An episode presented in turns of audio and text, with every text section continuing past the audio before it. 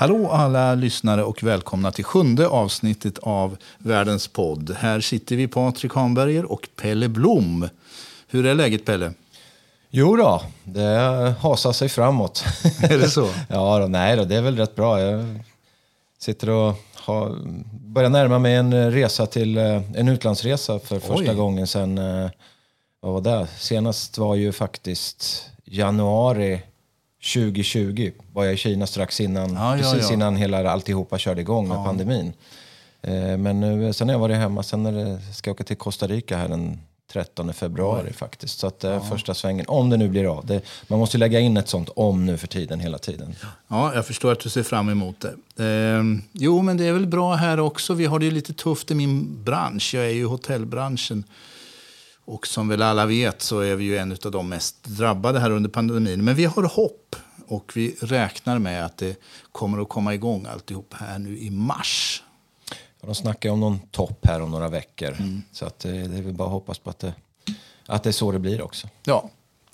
Sen vill vi ju framföra ett stort tack och vi, eh, till några killar här som har hjälpt oss. Vi har ju nämligen fått ny signatur. Och, eh, kom, ni kommer få höra jinglar här också i dagens, eh, i dagens program. Och ett stort tack till Robin Hanberger Peres och Zack Liljeberg. Vi vet att Isak Gunnarsson har hjälpt till med mixningen också. Så stort tack till er killar. Vi är djupt tacksamma och det är kul att vi kan få lite mer personlig prägel på podden. Ja men verkligen. Tack och bock. Tack och bock. Hörde, vi drar väl igång och... Eh, idag, eller vi kanske ska, ska vi nämna lite om vad vi har på programmet? Vi har mat bland annat va? Ja, jag tror att redan eh, i första programmet så flaggar vi för att vi kommer att komma in mm. på mat och dryck lite grann och sådär. Mm. Så att det blir ju en del idag. Ja, det är kul. Och eh, vi får komma tillbaka till de här länderna som ju vi har bott i, du och jag. I mitt fall i Spanien och ditt fall i Kina. Det blir mm. lite kul tycker jag. Och sen blir det lite andra ämnen. Jag ska prata om eh, ett band som jag eh, tycker mycket om. Vi har ju sagt att vi ska ha musik med. Och du tänkte prata lite effekter av det här som vi pratar så mycket om, nämligen pandemin. Ja, man vill ju helst inte prata om det, men eh, det är bara en liten sak, personlig sak som jag reflekterar mm. över, på, över mig själv som jag tänkte dela med mig av. Mm. Och sen blir det som vanligt anekdoter. Mm. Ja. Fotboll och hotell, eller ja. typ någonting. Mm. Du, vi drar väl igång.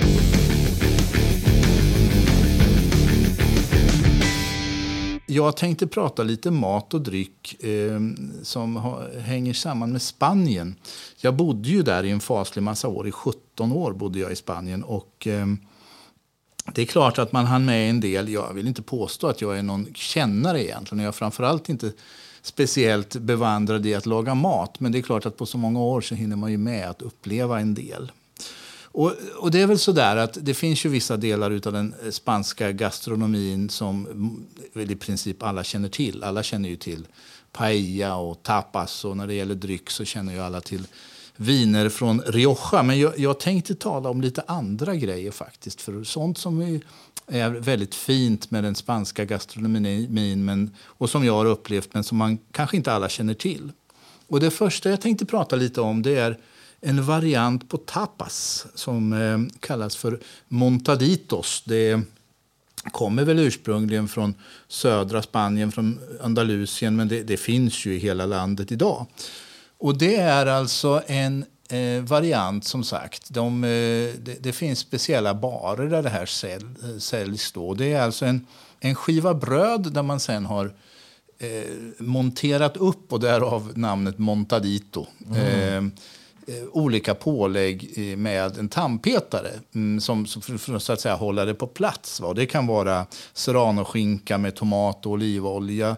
Det kan vara eh, chorizo med, med en pimientos de padron, de här eh, starka gröna paprikorna.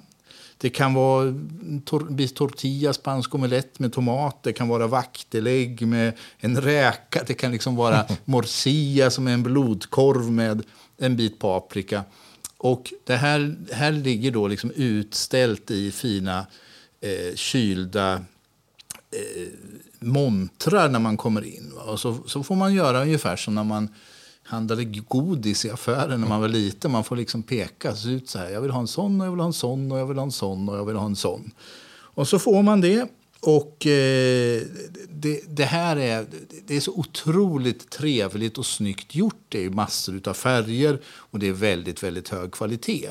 Så det där är verkligen någonting som jag skulle kunna rekommendera. Att det, det eh, tapas i all ära. Alltså tapas är ju fantastiskt. Men bara för att kunna beskriva någonting annat som finns som är en variant. Och Det kallas alltså för montaditos. Det här. Men är det lite som pinchos? Eller? Ja, pinch, ja, lite som pinchos.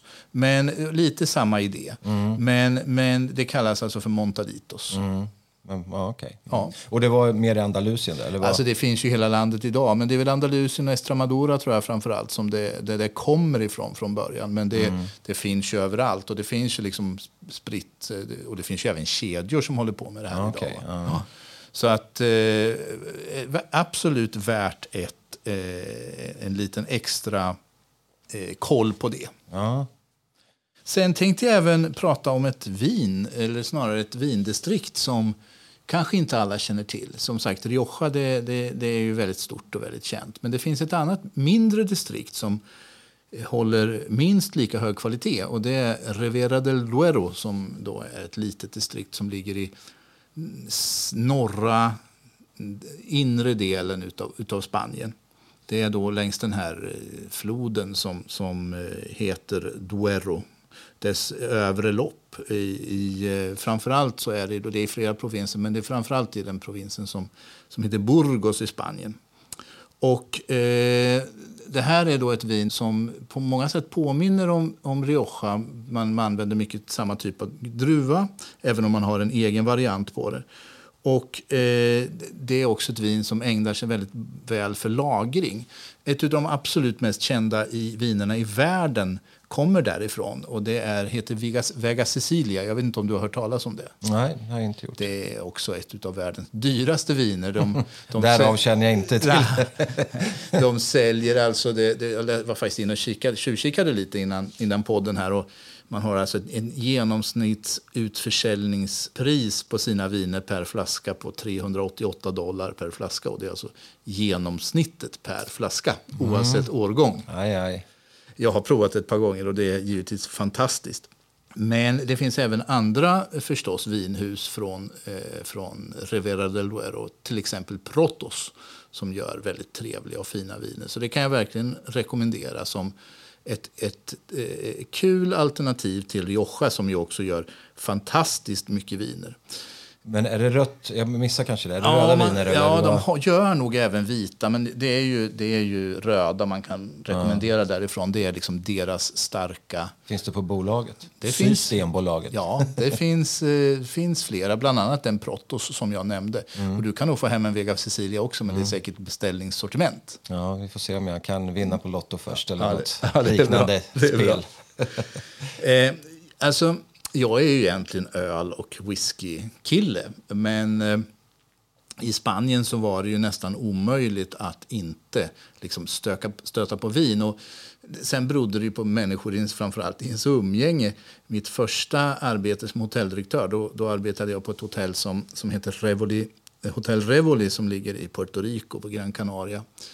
Och när jag började jobba där så drev inte vi restaurangen själva där utan det var två andra eh, personer som, eller det var en annan person som ägde ett företag som, som drev den, den här restaurangen åt oss, Gonzalo. Och han hade en anställd eh, restaurangchef också, Antonio. Och de där två, jag var ju inte gammal när jag fick det där jobbet, så de där två de tog ju mig under sina vingars skugga. Så att vi åt ju lunch i stort sett dagligen under de tre år som jag arbetade där. Och de var ju däremot riktiga sådana här vinkännare. Mm. Så att de kom ju liksom dragandes med en flaska vin på lunchen i princip varje dag. Och liksom, ja, det här måste du testa. Och så, så lärde mig årgångar och såna här grejer. Jag minns ju fortfarande, nu har jag ju helt tappat kontakten med det, men jag minns ju fortfarande att 84 och 85. Det är två sådana årgångar som är återkommande bra, både i Rioja och i Rivera del Duero. Det, är ett kategoriseringssystem på viner i Spanien där den högsta, den högsta som klassningen är excellente, alltså excellent på svenska. Mm. Och den näst högsta är muy bueno, alltså mycket bra. Och eh, 84-85 de var excellente. Eh, så att Och, och, jag vet att 87 till exempel, det var, det var muy bueno. Så det, det, var liksom sånt som de kom med.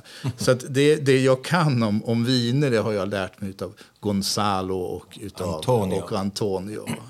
Mm. Roliga killar. Eh, Gonzalo är tyvärr borta, men Antonio har jag fortfarande kontakt med. De var ju några år äldre än mig de här, så de, det var, de var lite grann eh, mentorer för mig skulle man kunna säga. Men upplever du så i Spanien att eh, också, om man tänker sig Italien ibland, att man eh, det är inte alltid att man plockar fram alltså, fina viner utan det kan vara faktiskt man späder ut rött vin ibland och sådana saker till lunch.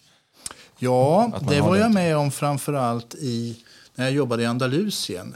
Där har, dricker man ju någonting som heter Tinto de Verano. Eh, och det är ju just rött, rött vin med en, med en sorts mineralvatten mm. eh, som, man, som, man, eh, som är lite sötat. Mm. Som man ju ofta dricker på luncherna. Det, det, är liksom en klassiker. En Tinto de Verano med en, till exempel en gazpacho eller någonting sånt om det är mm. sommar och jättevarmt. Så. Mm. Så det har, jag, det har jag upplevt mycket faktiskt, att man, att man gör så. Mm. Att då handlar det inte om att, att dricka ett, ett, liksom ett, ett kraftfullt vin eller ett lagrat vin, utan det handlar om en dryck som inte gör en för snurrig i skallen, mm. utan ge, mer liksom, eh, ger en vätska till kroppen och så vidare. Mm, men jag tänkte också att man, det är mera måltidsdryck. Liksom, mm. att man ja. kan ta ett glas eller kanske ja. två, och sen är Precis. det lugnt med det. Där. Precis. Slutligen så skulle jag vilja slå ett slag för mat från Kanarieöarna, för där har jag jobbat i många år.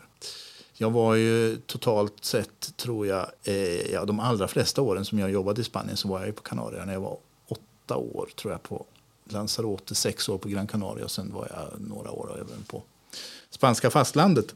Och där finns ju en del roliga grejer. Det är en ganska lätt mat, den som kommer från Kanarieöarna. Eh, det, det, som väl kanske många känner till det är mojo canario. Det är alltså den här, de här såserna som, som då baseras på olivolja. Och det finns en grön sort som då är med örter och så finns det en, en röd sort som vill har en paprikabas. Mm -hmm. De är ju jättegoda de där. Den röda är ganska stark. Sen så till de här så, så eh, Dels kan man ju äta papas orogadas, så kallade skrynkliga potatisar. okay. Men det är alltså små potatisar som man kokar väldigt länge i saltvatten. Alltså inte utan alltså väldigt saltat vatten. Sen de blir liksom lite skrynkliga och sen så får de ett lager av salt ovanpå därför att man har så, ah. en så hög salthalt i dem. Det, det känner jag igen från när jag var uh, ungdom och mm. åkte upp i någon sån bergsby och ja. man fick smaka på traditionell mat. Ja, det, så där ja. känner jag igen verkligen. Ja, och det är ju, det, det är ju fantastiskt gott. Och man äter ju de där såserna, eh, mojo canario, även till något som kallas för queso asado. Det är alltså en det är ost som man steker. Det låter mm. ju kanske lite otäckt, men det, det, det blir väldigt, väldigt gott. Mm. Och det blir en väldigt sälta i den osten och det passar väldigt bra tillsammans med de där, de där såserna. Sen är det ju mycket, alltså, jag vet inte om du minns en scen från filmen Sällskapsresan när eh, hon är ute och eh, en av tjejerna som är huvudpersoner hon är ute och äter eh, middag med en, en eh, mm. Gamla kläder? Gamla kläder, ja. Det är också en sån klassisk rätt som eh, egentligen, precis som många rätter på Kanarieöarna har, det finns en koppling till Kuba. Mm. För det finns mycket, det är mycket koppling däremellan. Det är många mm. som har, alltså när det var illa på Kanarieöarna och fattigt, då, då flytt, flyttade man ofta till Kuba. All right. Och det här är ju länge sedan. Ja, det förstår jag. Och sen så eh, var det många som returnerade sen igen. Så att då tog man med sig matkultur från Kuba. Jag hade så, ingen aning. Ja, nej, men så är det. Ja. Så ropa vieja, som alltså betyder gamla kläder, mm. det är en sån klassisk rätt som har kommit att bli eh, kanarisk husmanskost, men som mm. väl ursprungligen kommer från Kuba, tror jag.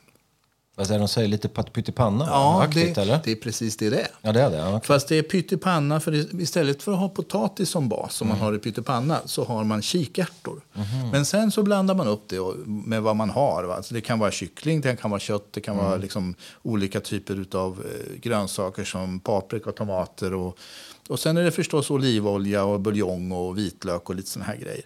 Så där, den där rätten alltså, som man skojar om där, mm. den finns alltså på riktigt och är väldigt uppskattad och mm. är en, kan vi säga, en kanarisk variant på eh, pyttipanna. Mm. en annan sån här som jag tycker mycket om det är potaje de lentejas. Det är en, en linsgryta Som, men som det även då är grönsaker och potatis. Man brukar ha majs, alltså majskolv i också. Mm. Och även en chorizo. Och den äter man tillsammans med ost. Med gärna då en getost. För getost det är ju också någonting sånt som man tillverkar på Kanarieöarna och som håller väldigt, väldigt hög klass. Och blandat ihop då? eller Nej, vad? man äter det bredvid, Bredvid, till. ja.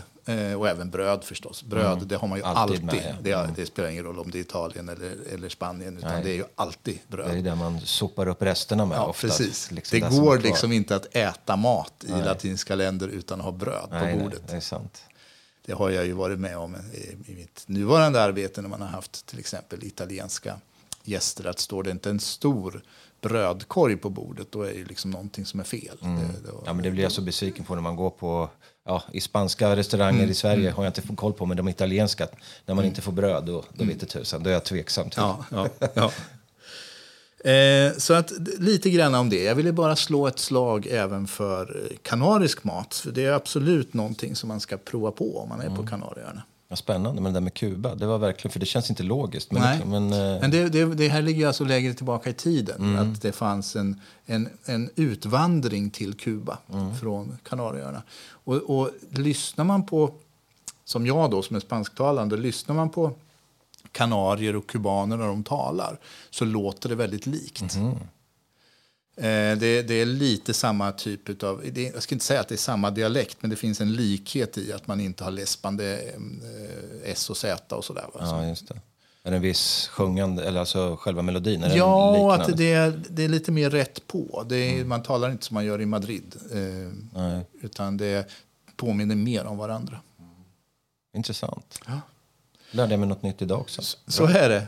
Vill man gå och äta mat som har spansk eh, påbrå i Örebro, det kan jag vilja tipsa om också, så finns det faktiskt en restaurang här i Örebro där vi håller till som faktiskt har en del spanska rätter och det är ju med bas på tapas och, och väldigt bra kvalitet.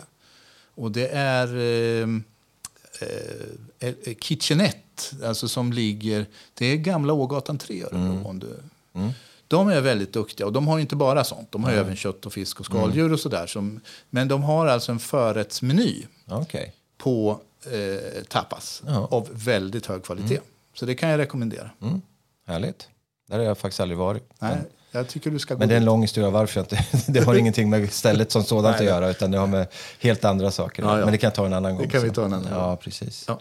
Mm. Är det min tur? Nu är det din tur. Varsågod. Ja, tack.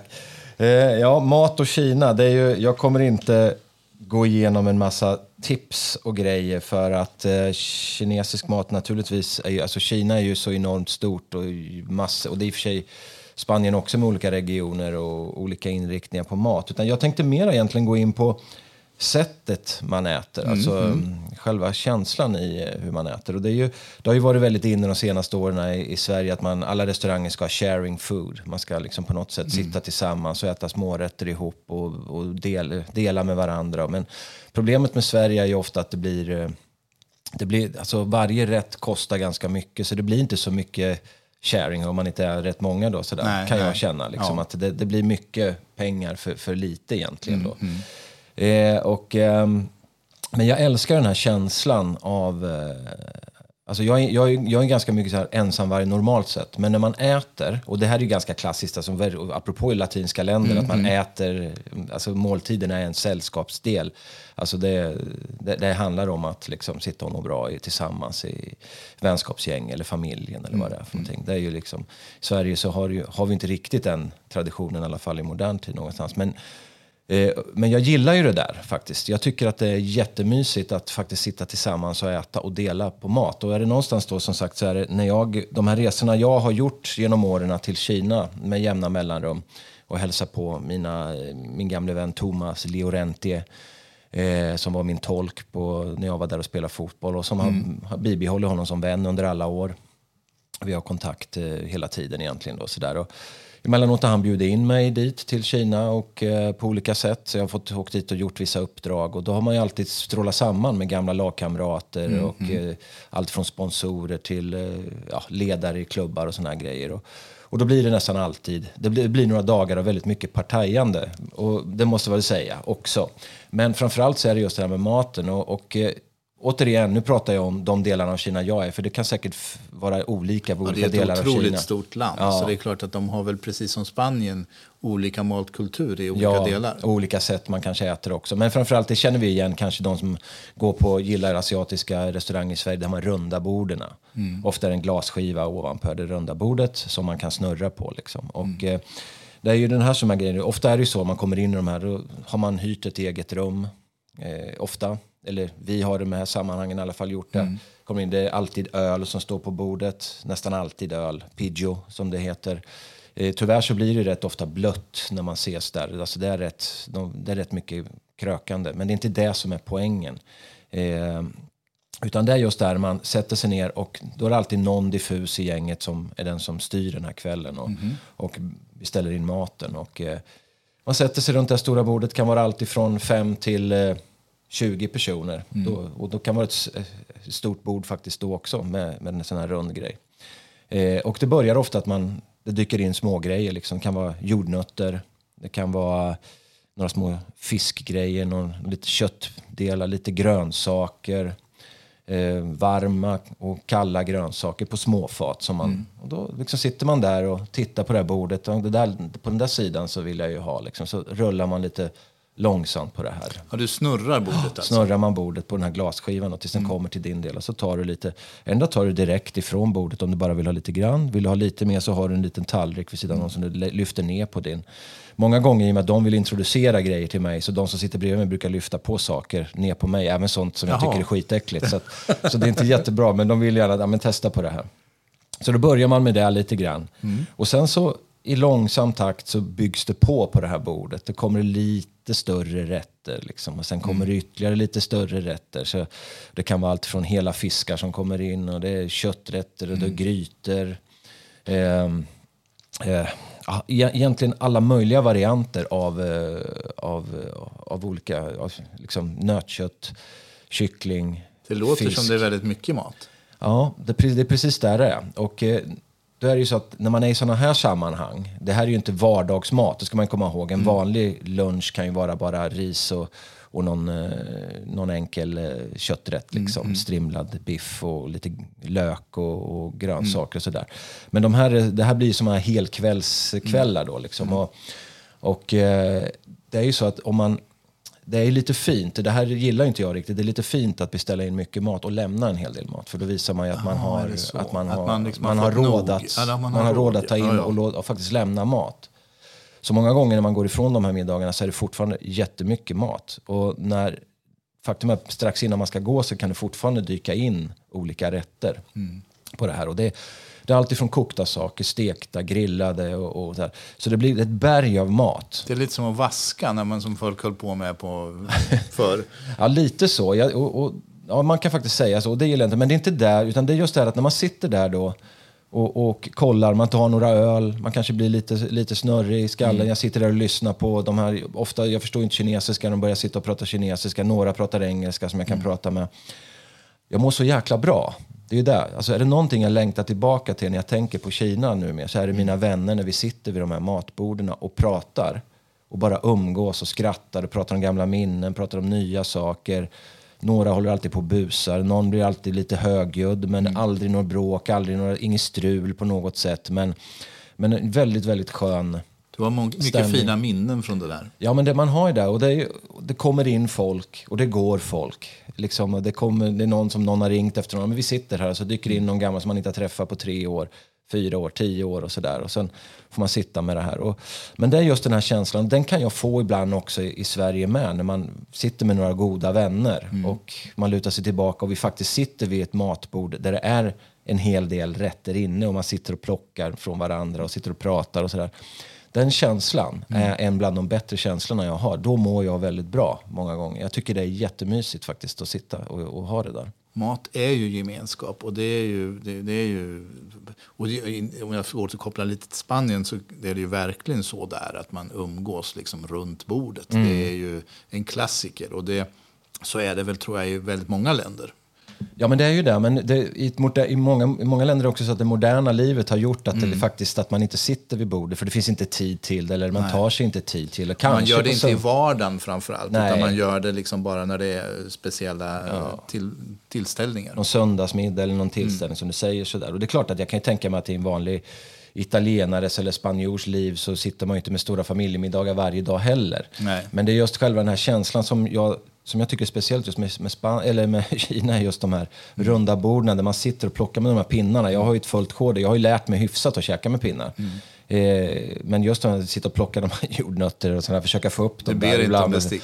Nej, men det gör jag inte för att det är en grej att jag ska ja. Och nu har jag blivit ganska bra, så det, ja. går bra. det är vissa saker som är lite sådär äh, glatta, som är svårt mm. att få tag på, men då låter jag dem vara. Mm. Ibland är det någon som ser det och då plockar de upp och lägger det på min tallrik och sådär. Men, men hela den här känslan att sitta där och äta och och den är, den är alldeles för god. Och det, det gäller ju faktiskt, det här är de stora middagarna, men ibland är det också så att man sitter faktiskt med barbecue och sitter och grillar vid bordet. Mm, mm. Man får in köttet vid bordet och sitter kanske fyra stycken och grillar där. Eller som man också varit med om med eh, såna hotpot-restauranger där man går in och sätter sig. Jag var inne på en i, uppe i norra Kina. Mm där det var, det var en sån chili hotpot restaurang. Mm. Och det var så mycket chili i de här grejerna så när man kom in i det här rummet där vi satt och käkade så rann det i hela ögonen bara att komma in i rummet. Oj, oj, oj, och när, jag, när, man började äta det där, vet du, det, det forsade svett och det var så jäkla starkt. Det var inte ens gott. Det var faktiskt jäkligt... Nej, klar, är man inte van vid det där då går det ju inte. Nej, men ändå samma känsla där man satt. Så att, det, det vill jag ta upp, liksom, just den här goa känslan och, hur, och varför jag gillar faktiskt att prata om Kina på det sättet. Det finns väldigt mycket negativt om mm. Kina som land och, och politik och alla de här bitarna. Men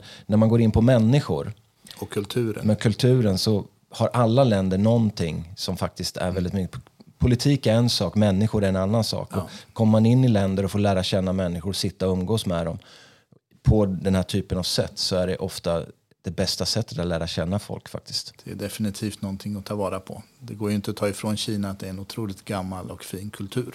Nej men precis, och det är därför jag gråter varje gång, varje dag när jag ser vad som sker mm. för närvarande. Det är så mm. otroligt tråkigt. Mm.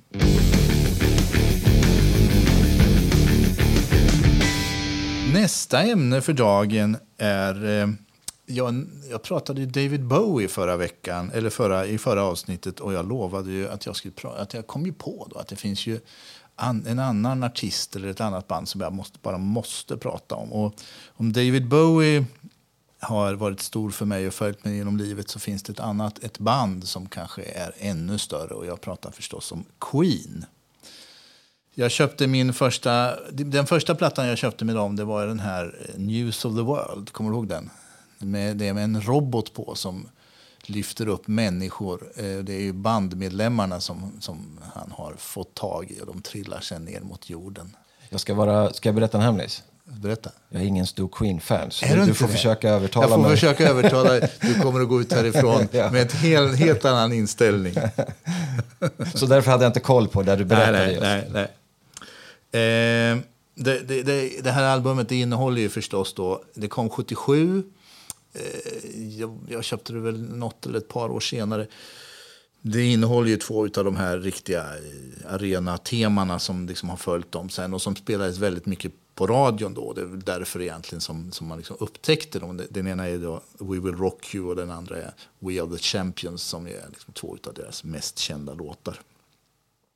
Och strax efter det där, något år eller två efter, så, så släppte de ju även en, en liveskiva. Och det, det var ju liksom obligatoriskt då att alla band släppte liveskivor. Och jag, tror att det, att jag funderar lite på varför det är så. Jag tror att det kan ha någonting att göra med att men det fanns ju inget Spotify då, så man kunde liksom inte lyssna hej vilt och fritt. Sådär. Utan skulle man ha musik då var man ju tvungen att köpa en vinyl. Och, och mm. vi ungdomar vi hade ju inte råd att köpa allt. Så en live det var ju bra, för det blev ju en sorts greatest hits som man mm. då kunde köpa in. Va? Så det, det, kan väl vara ett av skälen till att det var så stort. Kan lite bootlegs och sånt där också på skivmässor som man kunde gå och försöka alltså, hitta varianter som, som var lite udda med skitdåligt ljud kunde ja. det vara ibland. Ja. Jo men så var det ju. Och, eh, så att det, deras, ska vi säga, som jag upptäckte efteråt, bästa period med de lite mer progressiva plattorna som kom tidigare.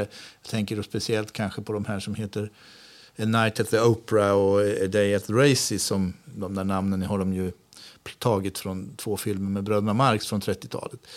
De, de upptäckte jag först senare och lite grann var det nog så med mig med Queen att det var lite som med David Bowie. Att jag, upp, liksom jag kom inte att kunna uppskatta deras, deras mer progressiva och, och, och, som jag inser idag, bästa musik, eller tycker idag, förrän, förrän långt senare. Men alltså, det blev mycket Queen där på slutet på 70-talet och på 80-talet tillsammans med hårdrock. För Queen är ändå inte riktigt hårdrock, det är mer ett, ett rockband faktiskt. Och så, och så till slut så kom vi fram till den där dagen den 13 juli 1985 där man, liksom det ställe man hade velat vara mest på i hela världen, det var ju Wembley Stadium. När, och jag tänker förstås då på eh, Live Aid som ju då, med, när, när man spelade, det spelades ju då för 55 miljon, förlåt, förlåt, 55 000 eh, tittare eller publik på, på Wembley och den sändes ut det här till 1,3 miljarder människor. Och den där, den där sändningen cementerade väl Queen som ett av världens absolut största band. Och de har ju följt med mig sen. Eh, de har även följt med min familj faktiskt. Jag, när vi bodde på Lanzarote och mina barn var små så eh, körde jag en röd Jaguar XJS och i den där bilen så fanns det bara en kassettspelare. Det fanns ingen CD för det var en lite äldre bil.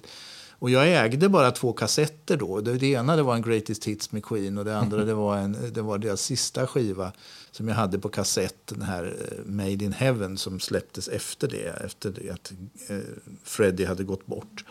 Så jag spelade de där två kassetterna ständigt i bilen. Och det så att mina barn blev ju mer eller mindre indoktrinerade med Queen. och jag, inför den här, den här podden så ringde jag faktiskt till min son och, så, och frågade honom vad har liksom Queen betytt för dig. Och han sa ju faktiskt till och med till mig att han, hela hans inställning till musik den har liksom påverkats av det där. Att han, att han blev en rocker, det var att han fick, satt och fick höra Queen under hela sin barndom i den där bilen. Då har du lyckats med andra ord. Ja, jag lyckats med andra ord. Men det finns ju så mycket att säga om dem. Alltså, deras, Freddys död var ju också speciell. Alltså, han, och kanske framför allt, det, det, det, stora, det var ju bandets eh, stött stöttning av honom. Både inför det oundvikliga, men för, kanske framför allt efter. För aids, eh, han dog ju i det. Det var ju en så tabubelagd sjukdom på den tiden. Va? Och, och, det skrevs ju mycket skit i den engelska kvällspressen om det där. Men mm. bandet gick ut och så helhjärtat stöttade honom. Och de satte ju till och med upp en stor välgörenhetskonsert där man mm samlade in pengar till, till eh, forskning kring det här. Så att all liksom, cred, deras eftermäle, får man säga, blev väldigt bra på grund av att de så helhjärtat mm. liksom, ställde sig på rätt sida i det här. Va? Dog han i 90 någonting? Eller? 91 dog han. Ja, men det stämmer. För det, jag har ett sånt där minne av, jag var på semester i Asien. Mm. Och eh, på nattklubbarna, på, då var det såna stora video eller film... Mm tv-skärmar helt ja. enkelt.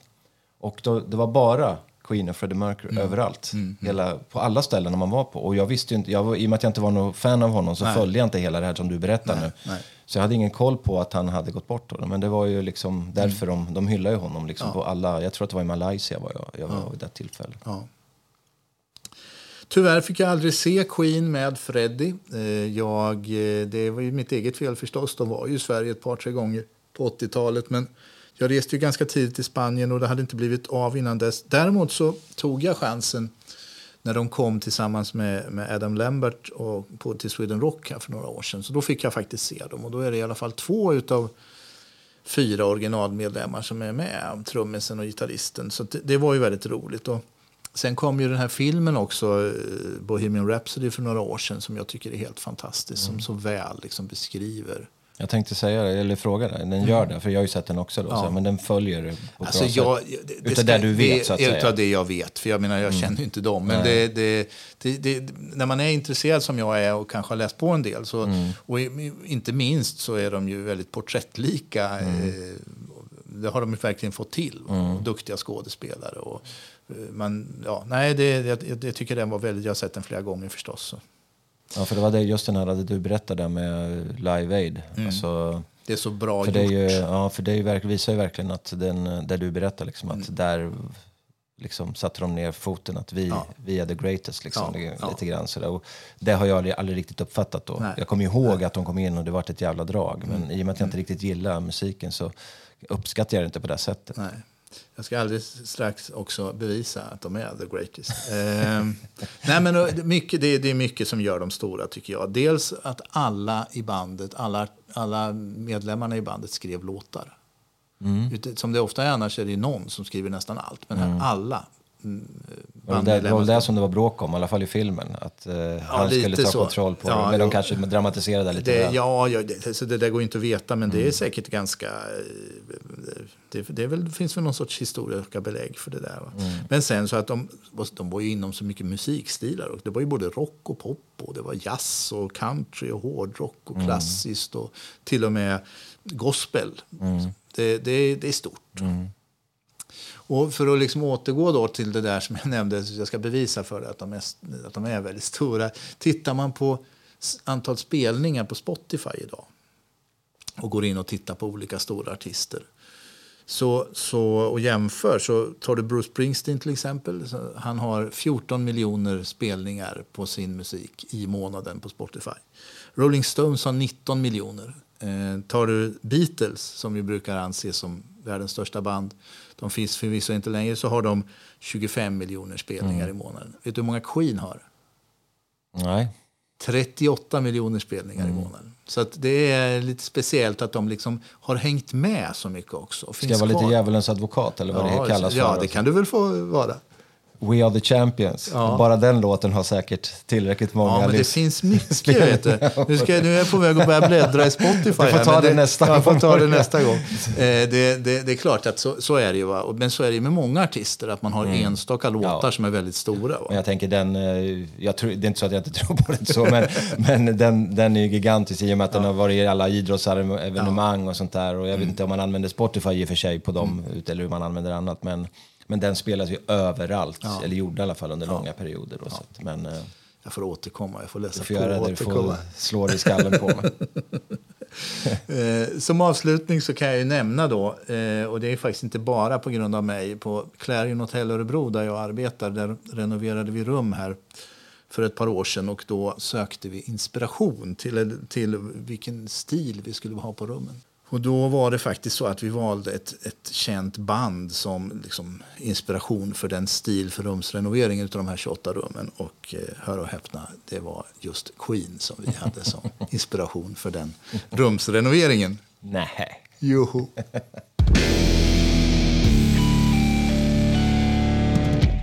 Ja, det var en intressant story där också. Jag får se vad, det är dags för mig snart att plocka fram Ja. en, eh, någon eh, lite musikprat också. Då. Är ju, jag har ju en del också som jag tycker om förstås. Men idag ska det bli något helt annat. jag tänkte, vi har faktiskt inte pratat om pandemin en enda gång tror jag i våran podd. Nej, det är lite märkligt. Jag tänkte faktiskt på det så sent som idag. Att det har inte, trots att liksom, det har varit under brinnande pandemi så har vi inte nämnt det. Jag tror inte vi har nämnt det. Nej, gången. jag tror knappt det. Men det är, det är ingenting man helst vill prata om, Nej, utan man vill helst. Mm. glömma bort det. Men jag tänkte bara ta en kort, det här blir en väldigt kort eh, personlig reflektion som jag kom att tänka på här i helgen faktiskt. Mm. Eh, det är just det här att pandemin, jag, jag har inte varit så där deppig, jag har inte drabbats hårt. Det finns de som har drabbats väldigt hårt, som har en helt andra alltså, ingångar på att med, med arbete, man blir av med arbete, det är ekonomi. Och jag, jag har ändå puttrat på någonstans, men jag har haft ett jobb. Och, och dessutom så har jag rent mentalt klarat mig rätt hyfsat för att jag har haft andra projekt på gång som jag jobbar med, som har varit helt nya, som med demokrati och samhällsfrågor och sånt där. Och, så det har liksom hållit min hjärna igång, så jag har inte Ja, jag har liksom kunnat trycka bort det här värsta liksom med, med pandemin på det sättet. Men det som jag har märkt, eh, och det tror jag inte är ensam om, men, men när, när, det, när man får den insikten hos sig själv så blir man så här, ja, men vilken jäkla tråkig människa jag har blivit. Det är att jag har blivit så här, du vet, minimalistisk i mitt leverne. Eh, tidigare, jag gillade ju bara att dra iväg med min bil till Stockholm eller ner till Göteborg eller bara åka ut och fotografera i Gäle eller i Nora eller någonstans där, liksom, just de här bitarna. Att ge mig iväg, och många ger sig ut i naturen numera, men jag är ingen naturmänniska så den typen av saker ger mig inte så mycket. Jag har min sommarstuga, som jag, eller stuga, jag kan även ha den på vintern. jag har knappt åkt dit ut nu under vintern. Jag lever mitt liv i min lägenhet på Kungsgatan, Rubecksgatan i Örebro. Jag har kontor uppe på eh, Näbbtorget. Mm. Jag käkar mina luncher någonstans på Kungsgatan eller Köpmangatan eller möjligtvis det nya kulturkvarteret. Jag rör mig emellanåt över ån på norra sidan mm. och sen har jag mina powerwalks. Då går jag lite runt i stan egentligen. Då. Eh, arbete så har det varit mycket hemarbete. När jag inte rör mig upp till kontoret så har jag jobbat mycket hemma. Jag tänker liksom inte, jag har inte den här jag måste iväg. Utan det är snarare, jag tycker faktiskt det är rätt skönt att vara hemma och bara ta det lugnt och, och läsa. Och, ja, det har jag sagt flera gånger i den här podden. Mm. Att det här lugna livet och, och, avskärmade livet, det gör inte mig något. Jag är ju inte någon sån här supersocial människa som kräver stora umgängen, som måste göra saker hela tiden, som har energi där det bara sprutar överallt. Utan jag har det emellanåt, men sen gillar jag det här att gå tillbaka i min lilla grotta. Du trivs bra med det här? Det är inte så att du mentalt har liksom skrumpnat, utan Nej. du trivs bra med det? Ja, men, alltså, men samtidigt blir jag lite rädd för mig, för jag är ju trots allt nyfiken att vilja ge mig ut och göra saker för mig själv. Det, jag behöver inte ha allt stora sociala sammanhang, men just som jag säger, att fotografera. Mm. Jag gillar att fota. Jag tror, inte att, jag tror inte jag varit ute med min kamera på ett och ett halvt år någonstans där. Eh, och... Eh, det är just det här krympande tänkandet. Och eh, jag som, nu är det ju klimat tider så ska man inte prata om resor. Man ska ju helst mm. hålla tyst om resor. Men jag har alltid gillat att resa, många svenskar gör. Liksom, att mm. Nya impulser, det är där jag inhämtar normalt sett min, min eh, kreativitet och mina tankar. Jag behöver en annan miljö.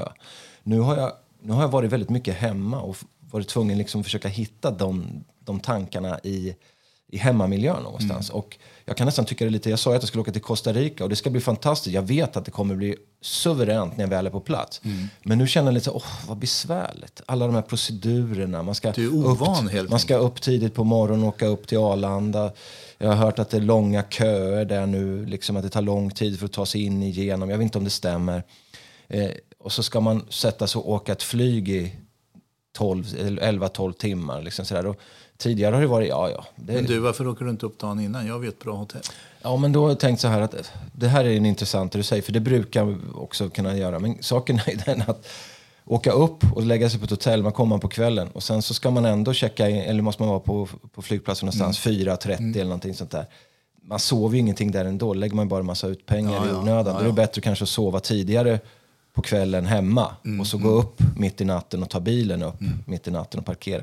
Vi har inte bestämt oss än, men det är en variant. Men annars är det ju som du säger, åker man lite senare, vi ska åka någonstans 6.30 tror jag mm. för planen går. Går det typ 8 och sådär, då är det absolut hotellvariant. Jag rekommenderar alltid hotell. Ja, jag förstår det. Och kanske ett speciellt hotell också, möjligtvis. Eller i alla fall en kedja då. Så kan det vara. Ja, nej, men så att, det är just det här liksom, som sagt, minimalistiska, krympande tänkandet att faktiskt vara nöjd med den här lilla. Och det finns säkert de som tycker att det är fantastiskt att du faktiskt har kommit fram till det. Apropå klimatsmart. Ja. Men eh, jag själv som sagt, jag känner att jag behöver öppna upp mig mer. Det måste hända mer saker snart. Mm. Men, men som sagt, det har inte påverkan på det sättet. Men det är väl bra att du inte har mått så dåligt av det, för det har ju verkligen många gjort. Mm. Och jag märker framför allt faktiskt nu den senaste restriktionerna. Mm. Nu när det faktiskt börjar, det är väl så, när det börjar närma sig sitt slut, mm. man börjar märka att faktiskt nu då, nej, inte den här gången heller. Det är många som har lackat ur ganska mm. kraftigt nu märker jag, som går in och är deppiga, tycker att livet är tråkigt och trist. Och, alltså faktiskt har uh, gått ner sig lite grann. Jag tycker mer nu än tidigare. Och det kanske är för att när slutet är, eller på början kanske man ska säga till, ja. början efter det tråkiga är nära nu. Jag har faktiskt inte lidit så vansinnigt mycket av det heller. Men det beror ju, precis som du sa inledningsvis också, att så länge man liksom, det inte sker för mycket eh, otäcka saker i ens närhet så är det klart att det är lättare att mm. klara av det här. Men sen så är det väl lite personligt också hur mycket tålamod man har och så där med att det är som det är. Liksom. Mm. Mm. Då är vi framme vid anekdoter. Eh, det är min tur att börja och eh, den här anekdoten den härrör från min eh, tid som reseledare när jag befann mig på, i Marbella på Costa del Sol. Och eh, det här var ju då någonstans, jag arbetade där 89, 90, 91 och eh, lite senare så skulle det bli världsutställning i Sevilla. Eller Sevilla som det heter egentligen. 1992. Expo 92 hette ju den. och ehm, då var det så att jag var, jag, jag minns inte riktigt om det här var sommaren 89 eller 90, men jag hade inte varit där så vansinnigt länge tror jag. Då skulle SVT komma ner, det måste ha varit SVT för det var väl bara de som fanns då, komma ner och filma inför den här världsutställningen. Och då hörde till saken att de hade inte lyckats få tillstånd för att få komma in och filma.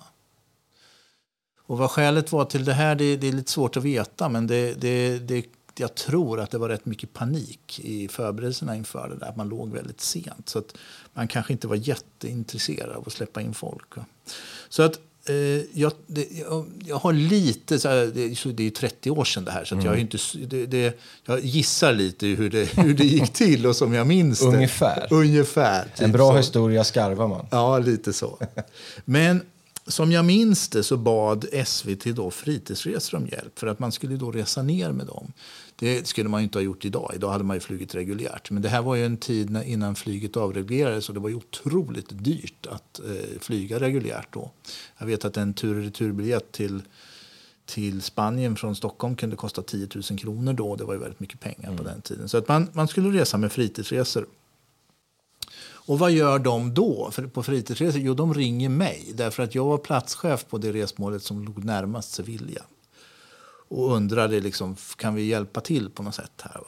Och jag, jag hörde av mig till vår agent, för en agent det hade man alltid. I vårt fall så var det en spansk eh, resebyrå som hjälpte oss med saker och lite grann med olika laglighetsfrågor och sånt där. Va? Men, och de hörde väl av sig till, till eh, Expo där uppe i Sevilla, men de fick inte heller något napp. Men då bestämmer sig det här tv-teamet för att resa ner ändå. På vinst och förlust. För man hade väl liksom en programidé och det var väl bokat kanske. Och, så där. och jag vet, det här var ju på sommaren och det var otroligt varmt, minns jag. jag. jag. kommer ihåg att när jag åkte ut till flygplatsen för att hämta dem så var det 38 grader varmt på kvällen. Alltså sent på kvällen. Och det kan ju bli så där varmt i, i södra Spanien. Mm. Och de kom fram och de bodde väl kvar någon natt och sen skulle vi köra upp till Sevilla och jag hade, de hade ju bett att jag skulle följa med och jag tror till och med jag körde. Och jag hade aldrig varit i Sevilla. Och det är tre timmars resa dit upp och det var över 40 grader varmt och vi har ju ingen AC i den där bilen. Så det blev en fruktansvärd resa aj, upp till Sevilla. Och hur det var så tog vi oss fram och när vi kom fram då så är det ju då, världsutställningen skulle hållas på en på en ö i floden Guadalquivir som flyter genom Sevilla. Eh, och eh, man höll ju på byggde om hela den där ön med, och det skulle byggas broar. Så det var ju otroligt stort. Va? Det var, mm. Jag tror det var flera kilometer från ena änden av den här Isla de la Cartuja heter den ön. Eh, och det var ju som sagt en gigantisk byggarbetsplats och vi kommer fram dit och jag, jag försöker då liksom förklara. Här kommer ett tv-team från Sverige och eh, från Sveriges Television och de, de vill liksom filma byggnationen och området och intervjua någon. Sådär. Och vi fick nej. och de kunde inte riktigt ta det här. Va? I det här tv-teamet. Jag vet inte om det liksom var självbilden som att det var 17. Alltså det måste ju vara jättebra för dem att vi kommer hit och de får ja. liksom reklam och det, det blir liksom coverage i internationell tv och sådär. Så det blev väl mycket prestige. Mm. Så de blev ju jättearga. Och de blev på väl dig inte, eller på... Nej, alltså de blev väl inte arga på mig Nej. egentligen, men de blev liksom arga på situationen. Mm. De hade nog räknat med att de skulle kunna liksom snacka sig in mm. där. Va? Ja, det kan jag tänka mig. Ja, så att jag fick ju försöka. Och jag, jag pratade med någon där och jag tjatade och jag bönade och jag bad och jag försökte förklara att de hade kommit hela vägen från Sverige. Så hur det var till slut så fick de komma in.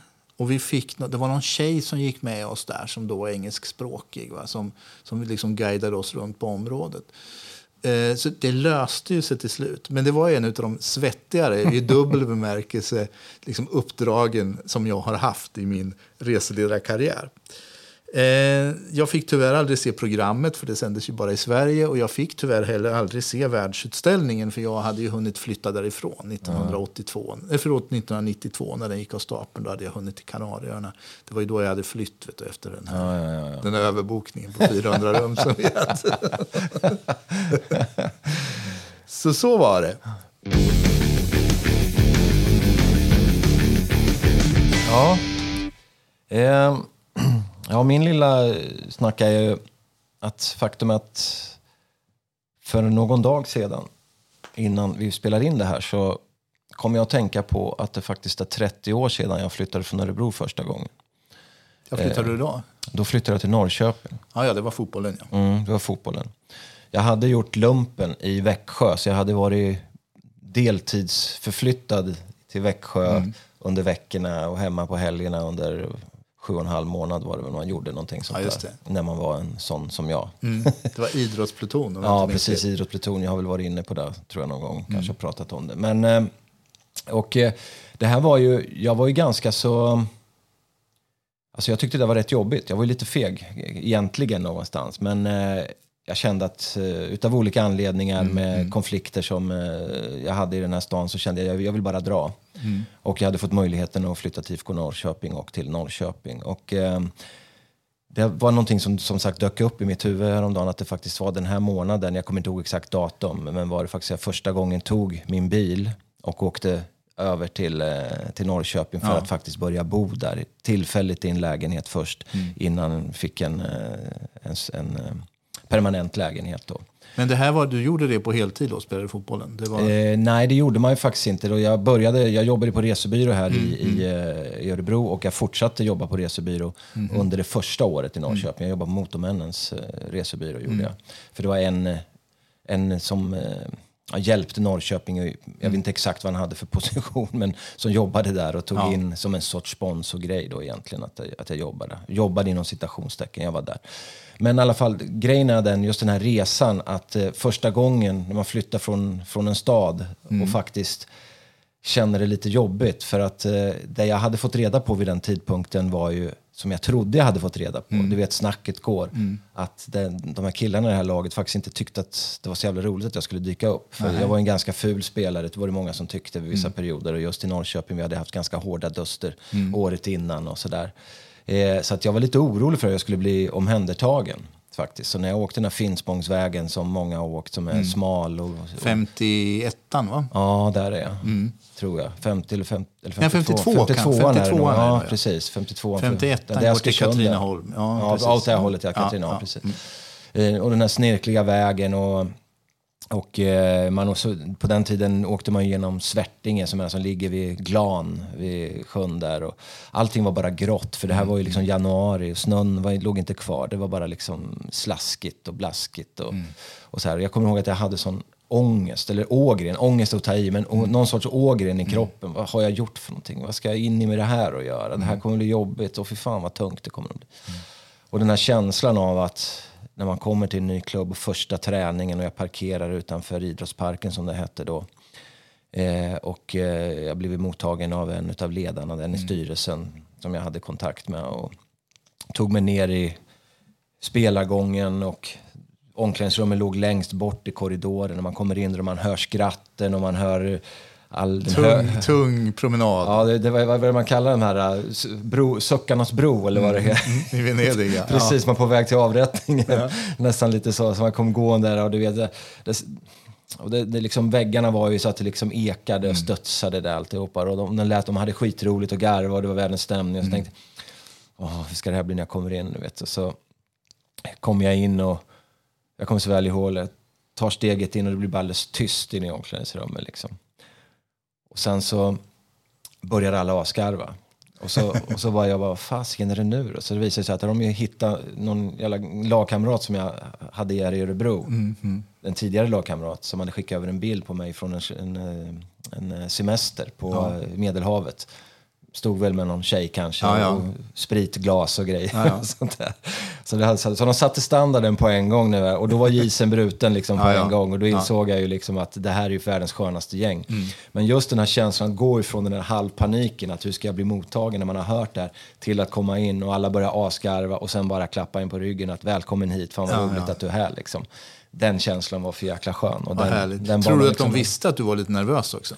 Ingen aning. Nej, Ingen nej. aning. Numera är det ju mer vant att man byter klubb, alltså, Mm. men nu byter man ju jätteofta klubb. Så att det, det är inte lika dramatiskt kanske. Kanske. Jag säger frågetecken nu Det beror lite på vad man byter från och till kanske. Ja, men det är lite så. Men på den tiden så var det, man bytte inte jätteofta klubb Nej, då. Så det, det blev en lite större grej. Liksom, och sådär. Så att, men just den här goa känslan att åka ifrån någonting som man är uppväxt i, den här jobbiga känslan, inte mer än 12 mil eller vad det är dit, Mm. och så genom den här gången och så in och sen den här glädjen och känslan efteråt och känna sig hemma efter typ fem minuter.